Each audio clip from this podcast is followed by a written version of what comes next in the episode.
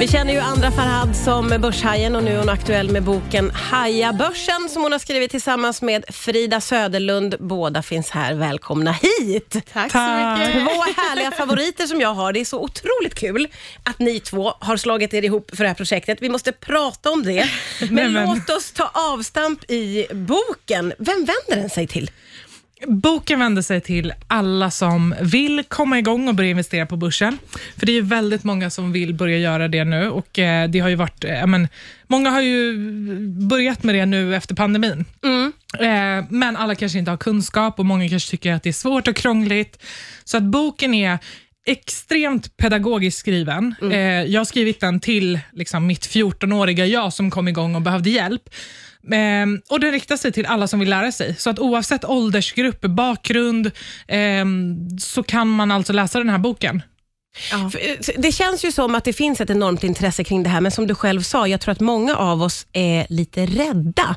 Ja. Eh, Så det här känns ju som någonting som eh, verkligen, att det finns en plats för den här boken. För du har upplevt att det- finns ett sug att våga Ja. ta sig in, så att säga. Ja, ja, ja. Och såklart att många är ju rädda för risk när man investerar på börsen och det är absolut en risk. Men man ska också komma ihåg att det är en risk att inte investera. För vi har en inflation som stiger med 2% per år och pengar tappar värde över tid. Så att ligger de bara i madrassen, ja, men då kommer de inte vara värt så mycket om 10, 20, 30 år. Nej.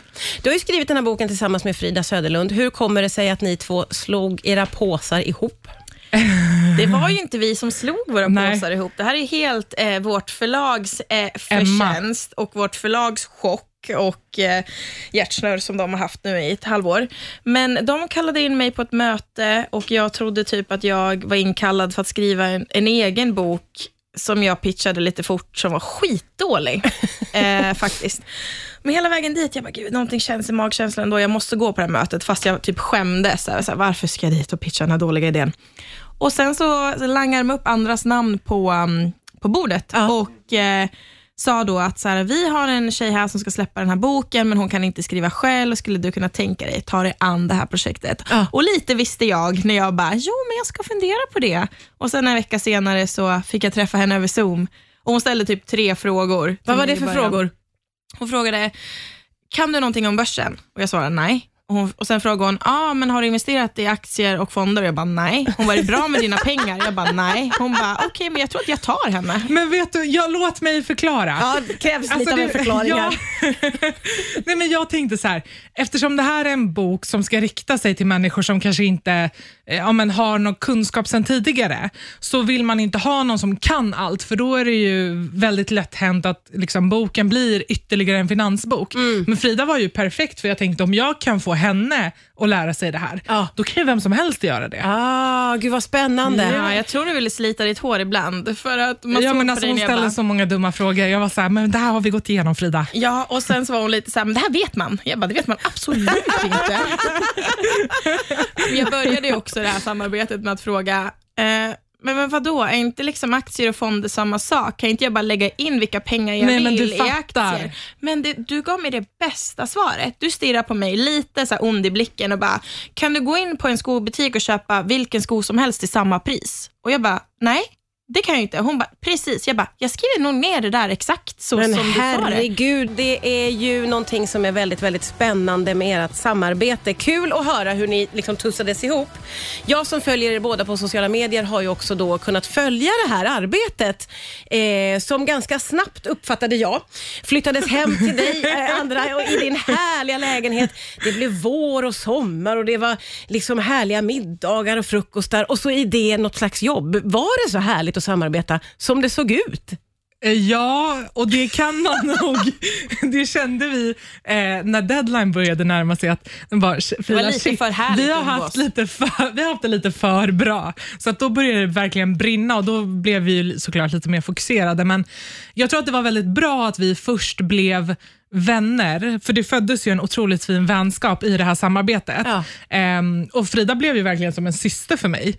Och jag, för jag tror att sen när, vi, när hon skrev boken så kunde hon, nu pratar jag för dig också, Varsågod, kör på men hon kunde liksom så här, ehm, ja, men, föreställa sig hur jag skulle uttrycka mig och säga saker och ting. Så att vi behövde inte alltid sitta med varandra när vi skrev, utan vi kunde gå igenom faktadelen och sen så gick Frida hem och liksom skrev om det. Ja. Eh, och Det blev sjukt bra.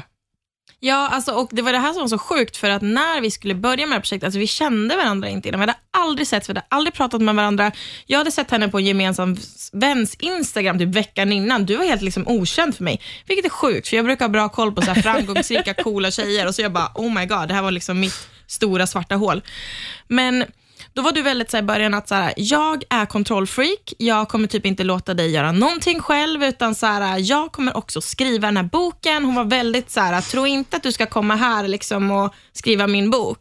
Och sen var det bara som att jag bara fick den där pennan och du bara, kör du, jag går. Nej men alltså jag måste berätta det här. Em, em, min förläggare Emma kommer fan döda oss, men det är värt det.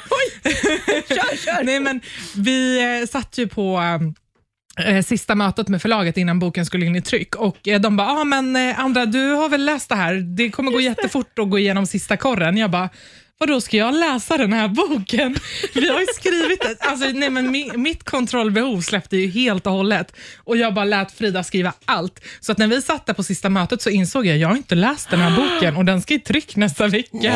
Det var så roligt. Jag och förläggaren sitter och stirrar på varandra, stirrar på andra och jag bara, vad säger du, säger du? Hon bara, ja men vadå? Jag bara, men du har ju fått kapitlerna varje vecka. Och andra bara, men det är ingen som har sagt till mig att jag ska läsa det.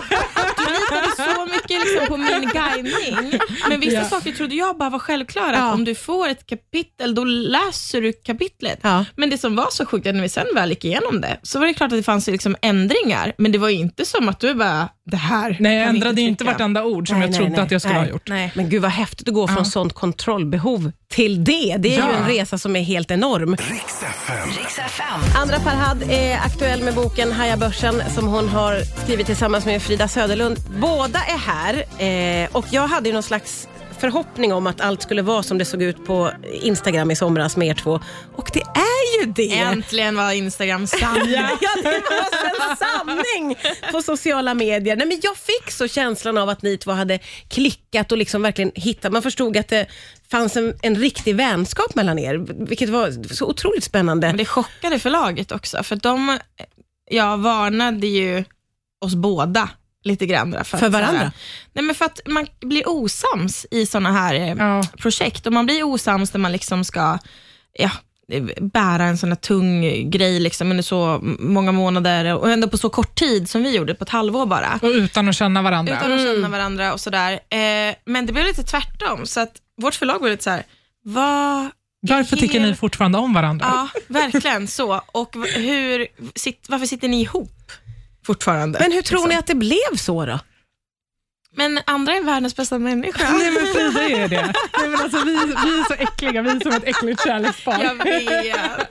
Men det var bara så. Jag tror att när vänskap, även om det inte fanns innan, byggs på totalt, typ så här, vi bestämde oss för att vi litar på varandra i det här och vi ska göra det här som ett team ihop. Du fick mig aldrig att känna att så här, det här är min bok och du är bara ett verktyg för att den ska bli sann, utan du var väldigt tydlig snabb med att säga, det här är våran bok. Skitsamma vad det står på omslaget eller skitsamma vem som bär kunskap, det är våran bok, vi är ett team i det här. Och det var så himla det var så himla starkt och vi var liksom ett team hela vägen. Vi är fortfarande vi är så jobbiga. Vi är fortfarande Ja. ett sånt eh, liksom, Ja, du, är, du är ju i någon slags förnekelse, Andra, när jag frågade om hur kändes det när boken var avslutad, sa du, den är inte avslutad. Och jag bara, va? Men det var... Nej, men jag vill inte att det här ska ta slut, för det här har också varit de typ alltså bästa, roligaste månaderna. För att Frida har ju utmanat mig väldigt mycket, både professionellt men också privat. Och Jag ringer henne fortfarande varje dag och bara, eh, vad ska vi göra idag? Hon bara, gumman boken är ute, vi ska inte göra någonting. Nej, jag har ett jobb, låt mig vara. och varje gång hon bara, Gud, jag glömmer att du jobbar egentligen. Man bara, eh, ja. Ja, underbart. Så himla himla roligt eh, att ni kom hit. Den här boken är ju enormt fin. Eh, Hajabörsen heter den. Finns ute nu. Eh, ska också nämna att eh, de här två har alltså tagit med sig en muta till mig för att få komma till ett fredagsbubbel någon gång. Det är första gången det händer. Men en prinsesstårta, jag ska fundera och återkomma. Tack för att ni kom hit idag. Tack snälla.